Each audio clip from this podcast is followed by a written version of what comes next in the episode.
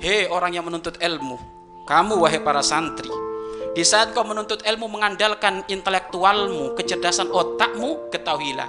Jika engkau hafal banyak A sampai Z, kalau engkau mengandalkan hanya kecerdasan otakmu, ketahuilah hatimu akan gersang.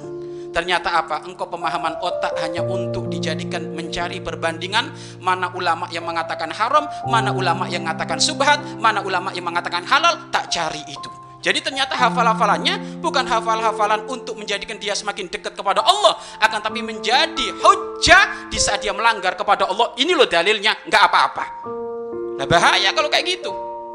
Maka tidak bisa kita ini di saat menuntut ilmu hanya mengandalkan kecerdasan otak enggak, tapi andalkan kecerdasan spiritual yaitu kecerdasan hati hatimu yang insyaf yang takut kepada Allah. Sebelum apa-apa kita banyak mengadu kepada Allah bangun malam sholat lima waktu rajin bangun dari tidur kita membaca doa terus itu diasah. Sampai nanti dia menjadi pribadi yang ba yang baik